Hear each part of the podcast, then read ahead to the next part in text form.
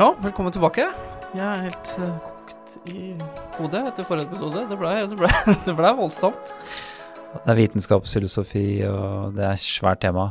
Og det er, Det er vanskelig vanskelig å gjøre det strukturert. Vi prøvde å gjøre det, men eh, det blir jo en litt sånn filosofisk diskusjon, og vi skraper jo overflaten over et kjempetema for de som hørte forrige episode.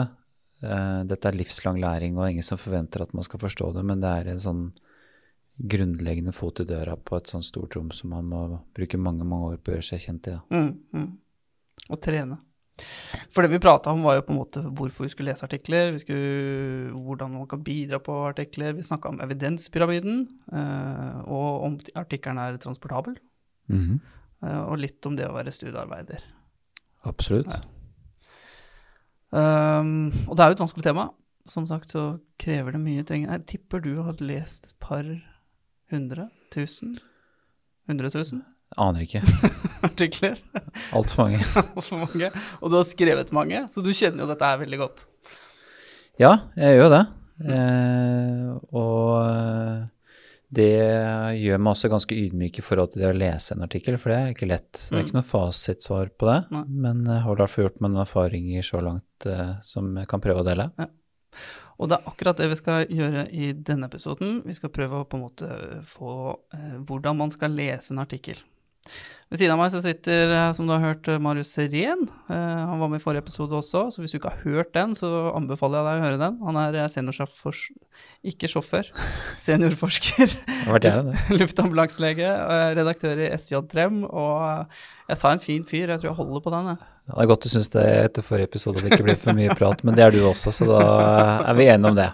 At vi er to helt ok karer. Ja. Um, jeg tenkte vi Eller Eller jeg tenkte ikke. Vi skal prate om hvordan vi skal lese disse her artiklene. I hvert fall hvordan man kan begynne å lese den. Ehm, vi forventer vel ikke at du er det kritiske hodet som, som, som du er, men uh, hvordan man kan begynne å lese en artikkel.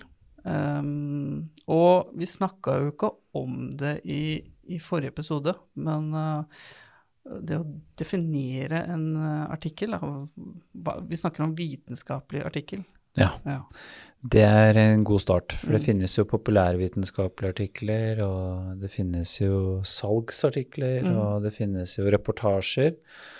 Og det finnes jo også en del andre medier, som podkaster og sånn at uh, infographics og så, Men det vi skal snakke om nå, er liksom den klassiske vitenskapelige artikkelen. Mm. Så Og- det første man kanskje må finne ut av da, er jo hvis man Når man har fått en artikkel, er jo hvilket tidsskrift den kommer fra. Mm. Og da snakket vi litt om sist dette med at den er PubMed-indeksert. Det er en sånn grunnleggende kval altså kvalitetskrav. Sjekke at den finnes på PubMed. Eh, og så er det jo å se på om tidsskriftet har et, eh, et renommé, da. Et rykte som man kan stole på. For i dag finnes det en rekke såkalte predatortidsskrifter, altså tidsskrifter som gir uttrykk for å være vitenskapelige, men som ikke er det, bl.a. fordi de ikke har en fullverdig fagfellevurdering, som vi jo snakket om i forrige episode. Og eh, så er det jo da noe som heter impact factor, som er sånn kvalitetsscore som man kan se på, som indikerer litt av hvor stor påvirkning dette tidsskriftet har på sitt fagfelt. Og så etter hvert så får man jo kanskje seg litt sånn favorittidsskrifter. Men de største tidsskriftene, altså de klassikerne, er jo Lancet, New England Journal of Medicine, Annals of eh, Internal Medicine og BMJ. Mm. Det er de fire store. Og det er jo ingen av de som er dedikert inn til ett fagfelt. Dette er jo generelle tidsskrifter, så under det så finnes det da en, en jungel av mer fagspesifikke tidsskrift som bare blir snevrere og snevrere og snevrere. Så innenfor det akuttmedisinske feltet, så hvis man skal tenke litt bredt, så finnes det kanskje en eh, 10-15 tidsskrift som man kan anse har en sånn ganske stor relevans for det vi gjør, da. Mm. Så en hvis, du, hvis, du et, altså hvis du finner en artikkel i et uh, tidsskrift som er anerkjent, f.eks. BMG, Ja. så vil det bety at det, den artikkelen er bra likevel, da? Den har en høyere sannsynlighet for å være bra. Ja. Altså BMJ har jo et veldig bra system for å sjekke innholdet i artiklene. De har en veldig grundig fagfellevurdering. De kan kanskje regne over dataene med sine egne statistikere, og de har en ekstrem seleksjon inn til tidsskriftet. Hvem det er som sender inn. De har en e- e- refusjonsrate, altså, altså manus som de forkaster, som er mye høyere enn det tidsskriftet som jeg sitter i redaksjonen på. Men det er ikke noe garanti. Det finnes eh, en, mange eksempler på studier som er publisert i de fire store, som senere, senere viser seg å være feil. Mm. Sånn at det kravet til å være kritisk og tenke selv, det gjelder overalt. For mm. alle. Mm. Og Det er kanskje det som er litt morsomt også, når du begynner å lese en del artikler. Og bli litt kritisk og ja. forstå litt rundt. Når du forstår mer, så Og du har jo sittet sammen med meg på Journal Club, du, hvor vi har tatt uh, artikler som er publisert i en av de fire store, hvor vi har plukket det fra hverandre og funnet helt åpenbare svakheter da, som ikke har blitt anerkjent. ikke sant? Mm. For Jeg tror det er også viktig å innse at det finnes ingen perfekt studie. Eh, det vil alltid være svakheter ved studier, og svakhetene er lettere å akseptere hvis forfatterne selv gjør rede for dem og anerkjenner dem, og beskriver hvordan det påvirker resultatet. Mm. Hvordan de tror det påvirker resultatet. Ja. Men det er jo de gangene hvor det er store svakheter som ikke er gjort rede for, som vi kanskje kan påvise da på Journal Club i en diskusjon, at du blir mer kritiske. Mm. Og eh, for de som ikke er vant til å lese en artikkel, så er det å bli med i en Journal Club, det er en veldig, veldig god start. Og den som vi har her på luftambulanse forskningsmiljøet her på Lørenskog, eh, som i samarbeid med Stiftelsen Norsk Luftambulanse, den er åpen for alle. Ja. Og den igjen så vil jeg, jeg anbefalte den i forrige episode. Jeg vil anbefale, eh, hvis du er interessert i dette her, eh, å kunne lese artikler, finne artikler, være med på en kritisk vurdering av en artikkel. Gå, altså Meld deg inn eh, på Journal Club. Det er en e-postadresse som jeg legger ut eh, under notatene her i denne podkasten. Eh, der kan du bare melde deg på, så får du en link, og så får du to artikler som eh, du kan lese og bli med på jeg tror du trenger ikke å si noen, trenger ikke å si noen ting. Det er bare å logge seg på Teams-linken, henge på, være på øret mens du gjør oppvasken hjemme og høre diskusjonen. Eller du kan være aktiv og delta, og du kan presentere selv. Det er helt opp til deg selv hvor mye du ønsker å delta. Og, og eh, du kan jo selv gjøre vurdering av om de artiklene som er tilsendt, er relevante for ditt fagfelt. og og, men som regel så er det det, og, og det er snev av underholdning i det. For det er klart vi gjør litt sport i å finne svakheter. Så det er vel ingen artikler som har kommet gjennom Journal Club uten å ha fått seg en eh, kile, kilevink eller to. og et tips der, jeg pleier å ta én artikkel som er mest relevant for, for, meg, for det er mye, mange sånne intervensjoner og anestesitekniske eh, artikler der. Eh, men jeg tar en som er mest relevant, og så gjør jeg notater, og så følger jeg med på den andre. Absolutt. Og det er helt gratis. Ja. Um, jeg legger ut link eller en e-postadresse, så du kan uh, se det. Det ligger i notatene under. Um, men uh, altså før du på en måte begynner å lese Vi kan si superkort, så du skal jo leite opp disse artiklene også. Um, kanskje man heller skal si at man, dette er, er ting du kan lære deg med å enten lese i bøker, eller ta og gjøre et uh, YouTube-søk på hvordan du skal finne den artikkelen du rett etter. For det er ikke lett, da. Alltid. Nei, det er ikke lett. Og uh, det finnes en rekke ulike databaser som disse artiklene finnes i. Og det er jo, som vi nevnte i forrige episode, en rekke ulike typer artikler. Uh, men hvis man da går på PubMed, og vi helsepersonell har jo tilgang til helsebiblioteket.no, som er en veldig god startside for oss som kan logge oss inn der. Med norsk IP-adresse så har man masse tilgang til ressurser der.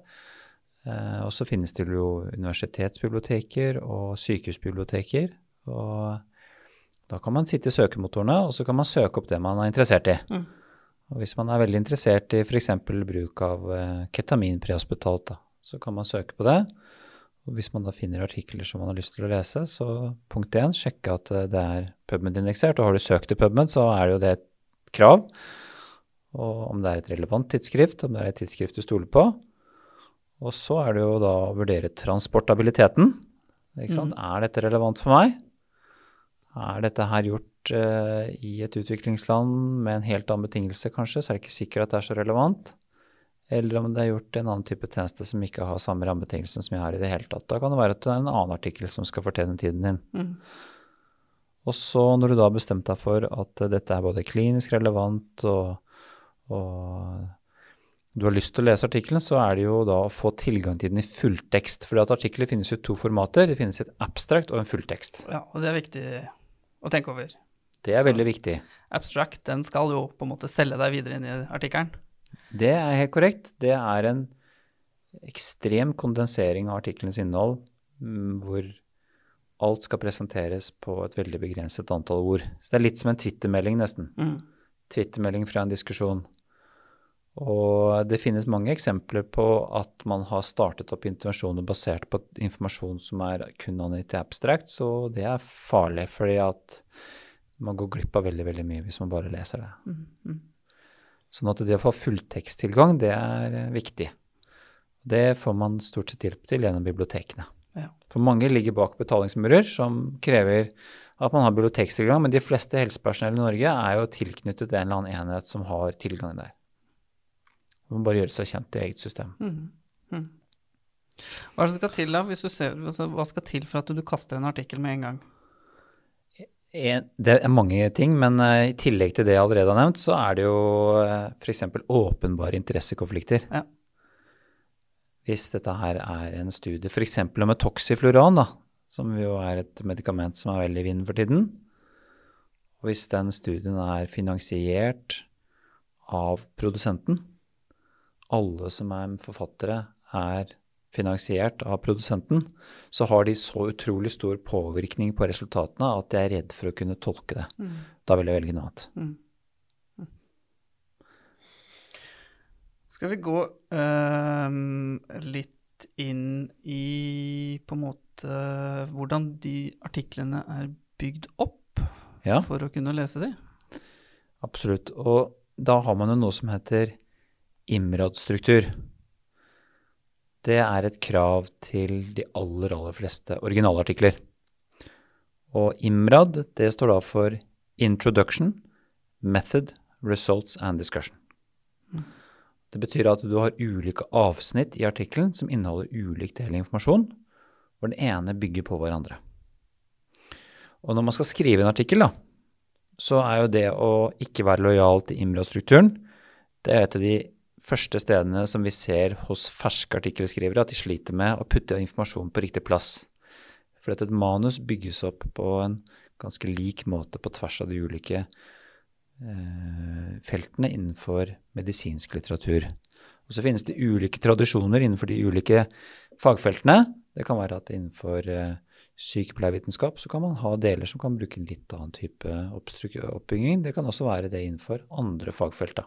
Hvis man går over i humaniora og juss og sånn. Men innenfor medisin, sånn, eh, særlig innenfor de tidsskriftene som jeg leser mye, så er det IMRAD som er det vanligste. Så må vi ikke glemme overskriften. Overskriften er veldig viktig, og der er det også blitt mer og mer krav til hvordan den skal utformes.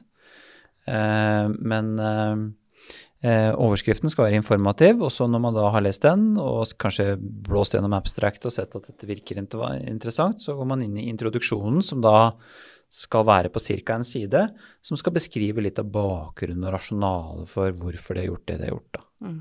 Får du litt epidemiologi, altså litt frekvenser på hvor hyppig dette er, hva som skjer, hva er det du presenterer, hvilken setting er dette? Og så kommer man da over i metodedelen. Ja. Og den er viktig.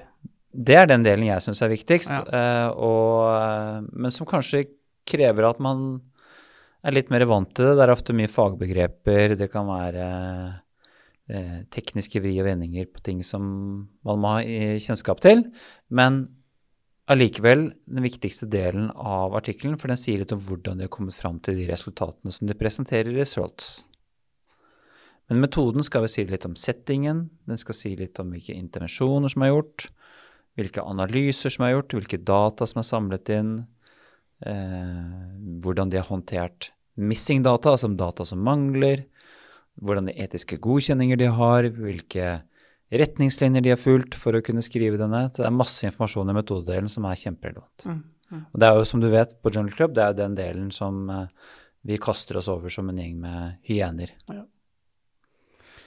Men Også- hvordan skal jeg ehm, hvordan, hvordan kan det gjøre det lettere for meg å lese på en måte en metodedel? Er det må, jeg ha en del forkunnskaper?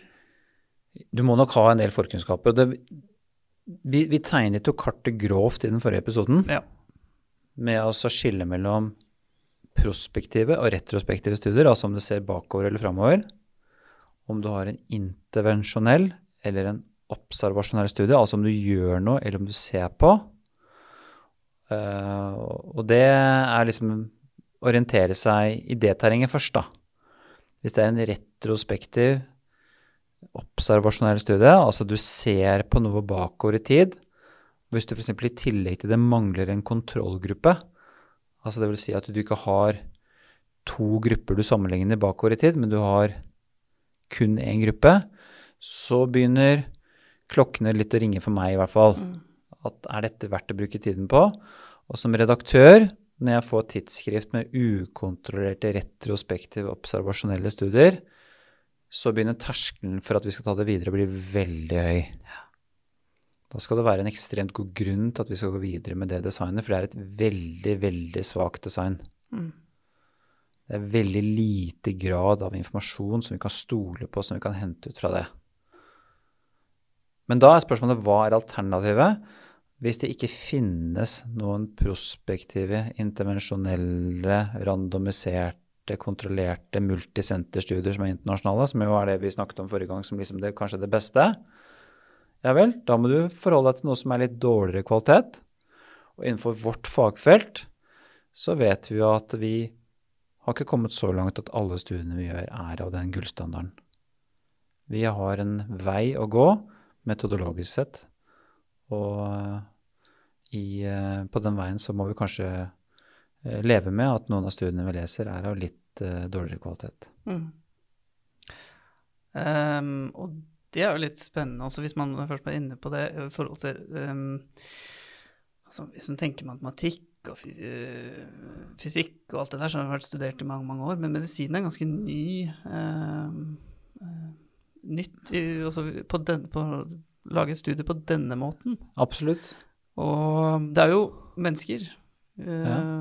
man eh, studerer på, så man får liksom ikke gjort en Nei, det, er, altså, det har jo vært en stor utvikling metodologisk innenfor eh, medisin, eh, som du sier. Og det har jo vært en stor metodologisk utvikling innenfor de andre realfagene og historie og samfunnsfag og sånn også, men, men de kan ikke jeg så mye om. Men eh, bare de årene vi har forsket, så ser vi jo at uh, f.eks. designet på randomisert kontrollerte studier har jo blitt veldig velutviklet. Uh, og eh, de analytiske metodene, dataverktøyene er blitt mer sofistikerte. Vi begynte noe som heter imputasjonsstatistikk, hvor man kan begynne å korrigere for data som mangler. Det er ganske mange nye ting som man kan bruke, sånn at det er vel i seg selv veldig spennende å følge med på utviklingen i fagfeltet. Og så er det sånn at noen bransjer har kommet veldig, veldig mye lenger enn oss i akuttmedisinen. Kancer, kreftmedisin, kardiologi f.eks., nevrologi, en del av de mer klassiske delene innenfor medisinen er jo lysår foran oss. Mm. Og det mener jeg må bare være en, eh, et godt argument for at vi må jobbe enda hardere. Ta dem igjen. Ta det med, tror du du klarer det? Nei. Nei. Det tror jeg ikke. Eh, det er så mye større del av medisinen finansielt også. Altså, vi har jo ikke en industri i ryggen på samme måte som det de har, og pasientgrunnlag og volum på den inhospitale siden, men det betyr ikke at ikke vi kan lære av de. Eh, og jeg gikk veldig mye på akuttmedisinske konferanser og møter og sånn før, og så nå har jeg gått mer og mer over på møter og konferanser som er med andre faggrener. For jeg tenker at istedenfor å sitte i et ekkokammer og høre på det vi alltid har gjort før, så tenker jeg iallfall, som jo driver litt sånn Prøver å designe nye forskningsprogrammer og sånn, og så lære av andre miljøer. Akkurat. Altså hvordan kan kreftmedisin lære oss ting? Ja. Hvordan kan vi lære av nevrokirurgene?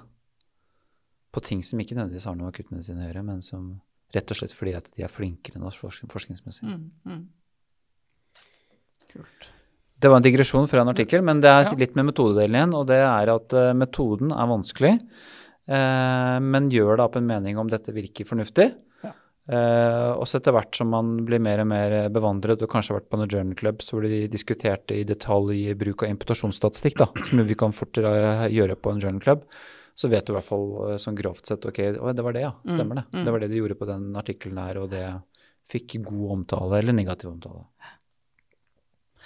Skal vi gå videre på eh, resultater? For nå er vi på den, eh, nå følger vi den Imrad eh, Ja, mm, Vi gjør det. Resultatene er jo liksom hva du har fått ut av det du har gjort i metodedelen. Og da er det litt sånn eh, eh, Er disse resultatene overførbare til meg? Kan jeg stole på de? Eh, Er det mye missing data? Altså, du tar jo mål av deg og så samler inn et datasett på kanskje 20 datapunkter, og så er du kanskje da ikke i stand til å plukke opp mer enn seks av de. Ikke sant? Og de 14 du mangler, da, som du mangler på ganske mange av pasientene, er det sånn at du mangler de dataene fordi folk ikke gidder å registrere det, eller er det fordi at det er en grunn til at det mangler? Mm. Ikke sant? Og det, Ta et eksempel, da, at hvis du mangler laktat, da, altså melkesyre, på alle pasientene dine prehospitalt, så er det rett og slett et uttrykk for at det kanskje det er vanskelig å måle fordi du ikke har en laktatmåler med deg ut, eller fordi det tar litt tid å måle det. Og da er det sånn at eh, de pasientene som er sykest, da har du minst tid, og da måler du mindre laktat. Da betyr det at det, det at du mangler laktat på noen pasienter, det er ikke tilfeldig. Mm. Det er de sykeste du mangler det på, for det krever mer av deg å gjøre det. Og da er det sånn at mangel på data, altså missing data, introduserer skjevheter i datamaterialet ditt. Og det eh, kan man prøve å justere for, men det, det er ikke så lett. Og det, det er liksom ting man skal sjekke for da når man ser på dataene. En annen ting er jo hvordan forskerne har presentert dataene sine, for de kan jo drukne det i enorme tabeller hvor lesevennligheten blir forferdelig. Ja, for det var liksom det var, neste altså, Jeg syns resultatene her begynner å bli vanskelig. For her er, Ja. det, mye, her er det mye tall og grafer og Ja, og det syns jeg også. Ja. Uh, og mange av de manusene som jeg håndterer uh, som redaktør, og som jeg kommer med tilbakemelding på det med lesevennlighet, så er det veldig ofte på resultatdelen. fordi at uh, det, hvis du er god til å lage tabeller og grafer, så kan du presentere ekstremt mye data på en fin grafisk måte hvis det er gjennomtenkt. Men det letteste er bare å smæle hele Excel-arket inn i en tabell og så presentere det sånn. det, Da er det ikke knadd for leseren. Sånn at uh, unngå kanskje de artiklene med så store tabeller at du ikke forstår frem og tilbake på det. Mm. Uh, og de, de beste studiene er ofte de som kan forklare ting på en enklest mulig måte. Ja. Men det krever veldig mye jobb. Det er det ikke alle forfatterne som er interessert i å gjøre. Og det er eh, resultatdelen. mm, mm. Og når det kommer til diskusjonen, da, så er det jo liksom hvordan du setter resultatene i den konteksten som du har presentert i introduksjonen, og hvor du da diskuterer eh, eh, Ja, hvis jeg brukte dette medikamentet prehospitalt på disse pasientene, så fikk jeg de og de effektene. Og hvordan påvirker det praksis, hvordan kan det gjøre det Hva er nedsiden med dette, de, hvor mange bivirkninger hadde jeg? Eh, er dette gjennomførbart i praksis? Kan jeg lære av personellet mitt sånn at de kan gjøre det? Og hva er svakheten med det designet mitt, og hvordan påvirker det resultatet mitt? Mm. Og den mest interessante delen av discussion-delen som jeg syns å lese, er den som heter limitations, som er en under Altså en subheading, altså en underoverskrift, hvor forfatterne selv prøver å være kritiske til sin egen studie. Mm.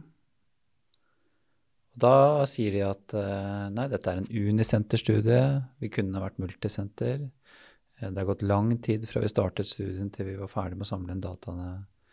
Eh, I mellomtiden så hadde vi en sykehusreorganisering som gjorde at vi byttet helseforetak. Vi hadde liten compliance, altså etterlevelse blant våre studiemedarbeidere. Vi hadde to alvorlige bivirkninger. Altså det, er, det, liksom, de angir alle de svakhetene som de har med sitt eget design, og så prøver de å spekulere i hvordan det påvirker resultatene og tolkningen av det. Og det, det er liksom kanskje det stedet hvor en forsker virkelig kan skinne. da. Mm.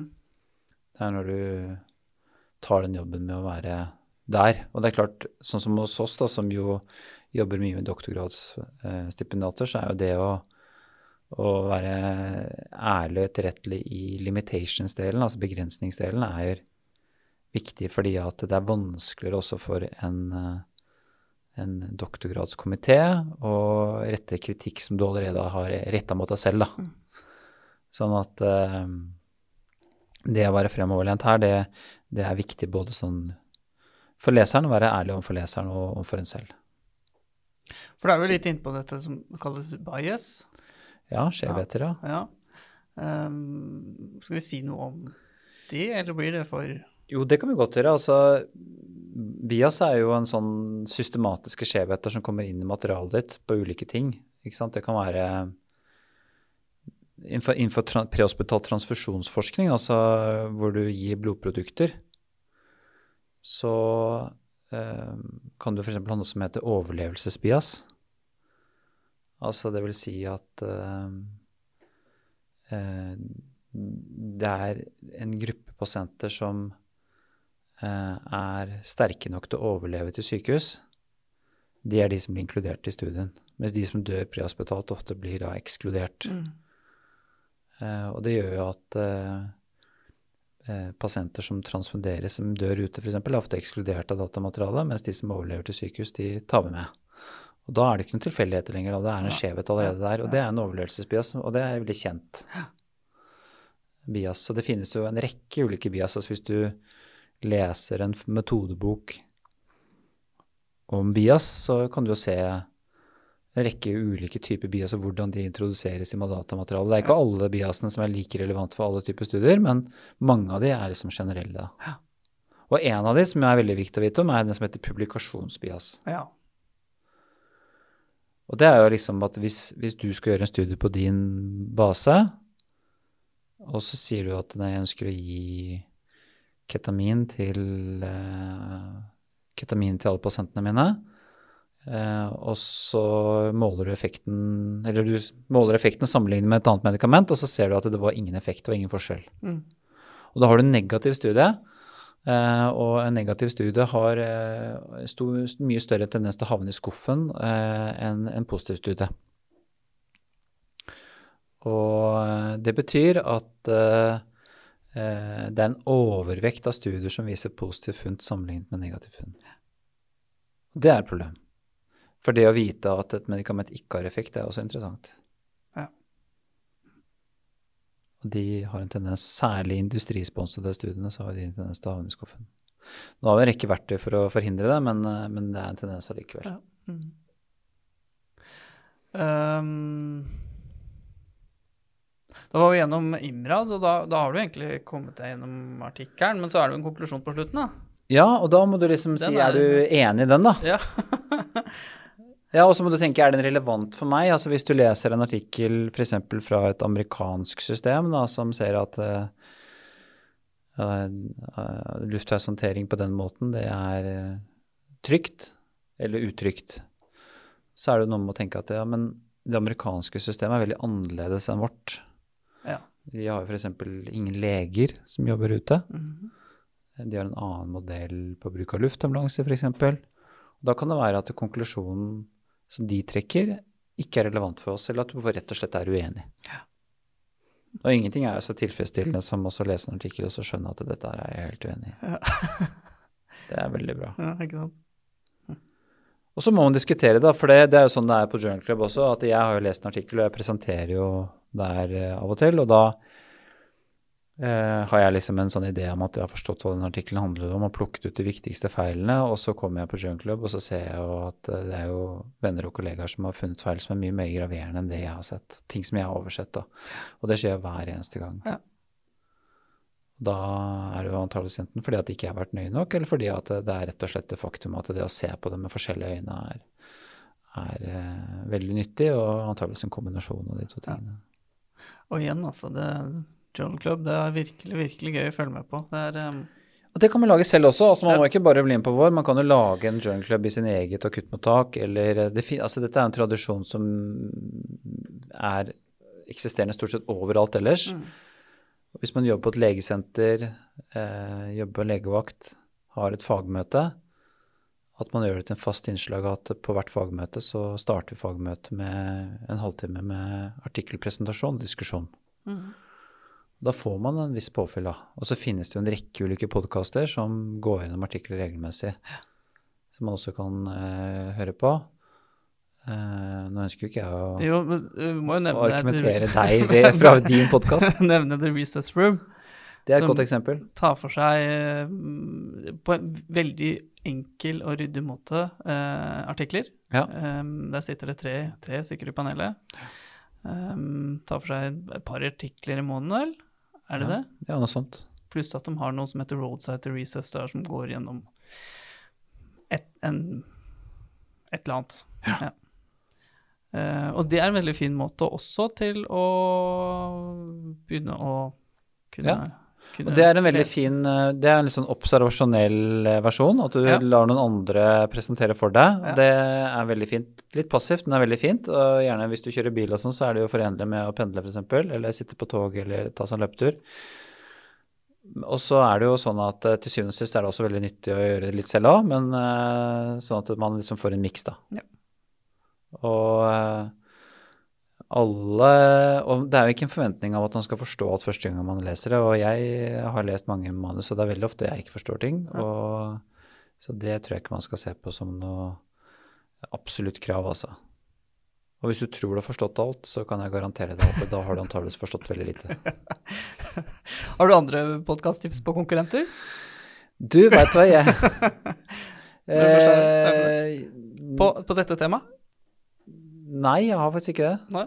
Jeg eh, må innrømme at jeg eh, eh, Nei, det har jeg ikke. Men det har sikkert du. Du har veldig god oversikt over temaet, har du ikke det? Ja, det skal jeg, jeg må, da må jeg tenke litt. Grann. Da får jeg heller skrive de referansene er under sikkert- notatene Det her. er sikkert lurt. Um, men jeg tenkte jeg skulle, vi, vi skulle snakke litt også om um, altså kommer du til konklusjonen, og det har vi snakka litt grann om. Og så er jo veldig mye av artikkelen masse referanser.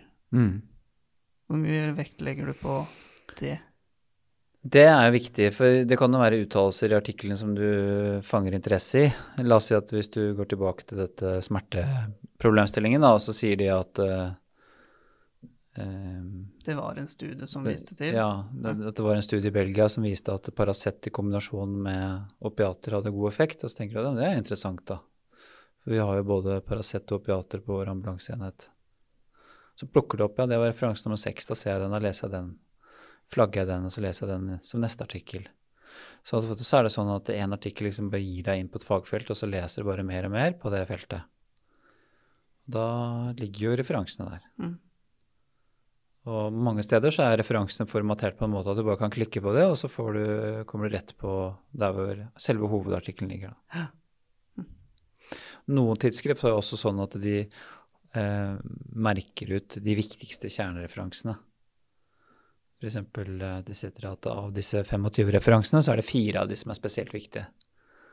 Okay. Og da kan du se det marke, markert i referansen, lista.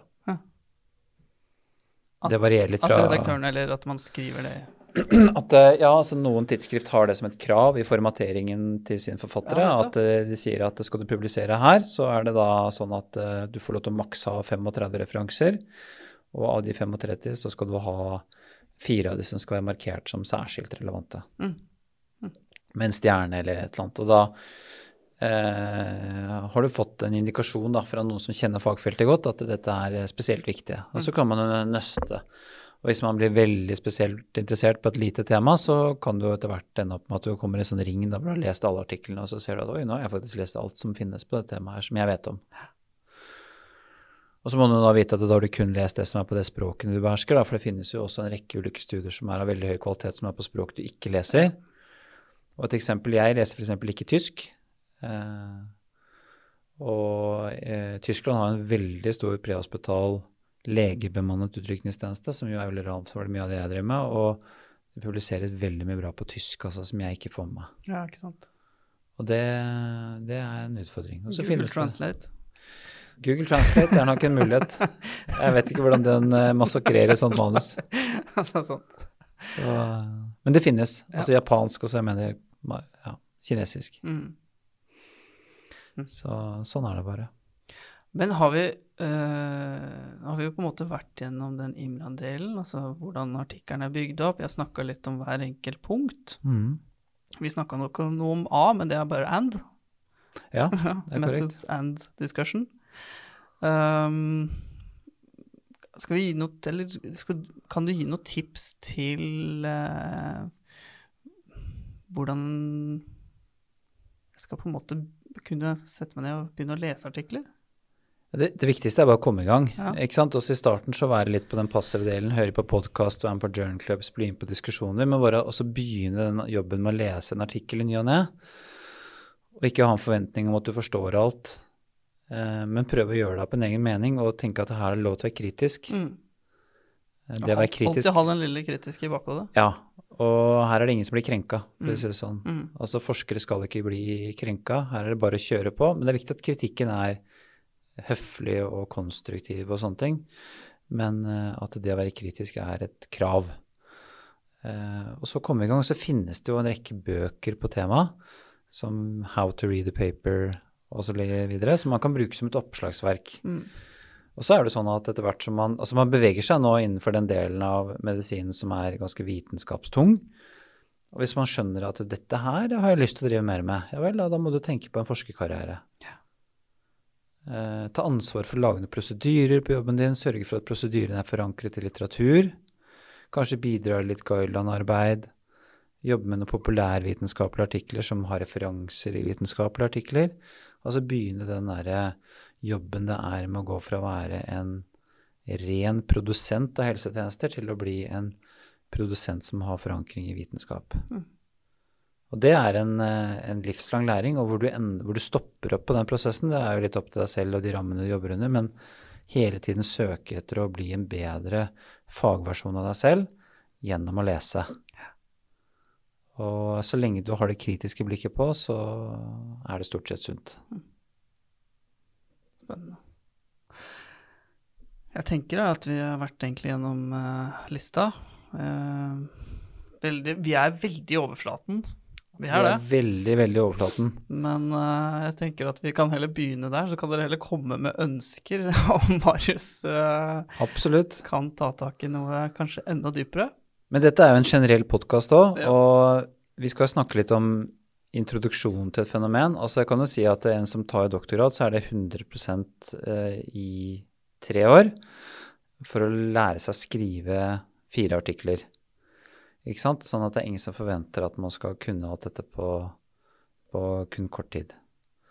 Eh, men på den annen side så er det heller ingen eh, skam i å få et snev av innsikt i det. Sånn at eh, jeg anbefaler Dette er jo uavhengig av hvilken profesjon du er, om du er fysioterapeut, sykepleier, lege, sykepleier, eh, nei, paramedic eller, eller fagarbeider eller hva du gjør, eller medisinstudent, så er det jo sånn at eh, vi har alle et krav om å bedrive forsvarlig helsetjeneste, og da er det å være kritisk og tenke selv og tenke vitenskapsbasert, det er en forutsetning. Jeg er helt enig. Um, litt reklame på slutten. Uh, Journal Club igjen. En gang i måneden, eller? Ja, ikke Jo. fullt så ofte. Jo, det er noen måneder vi ikke har det. Altså, eh, vi pleier jo ikke å ha det i sommermånedene. Ja. Og så er det noe F.eks. Det, Vi har jo ikke på julaften og sånn, så det er noen sånne ting. Men sånn i snitt så la oss si at vi har det mellom ja, åtte ganger i år, da. To artikler dere tar for dere, diskuterer det eh, og bruker en time på hver artikkel, sånn Ja. cirka. Ehm, virkelig anbefale hvis du er interessert i dette her. Skal jeg love deg du få, at du vil få produksjon og se hvordan eh, disse som har lest hundrevis tusenvis av artikler, Ja. At vi fortsatt ikke har forstått det. fortsatt ikke har forstått det. Ja.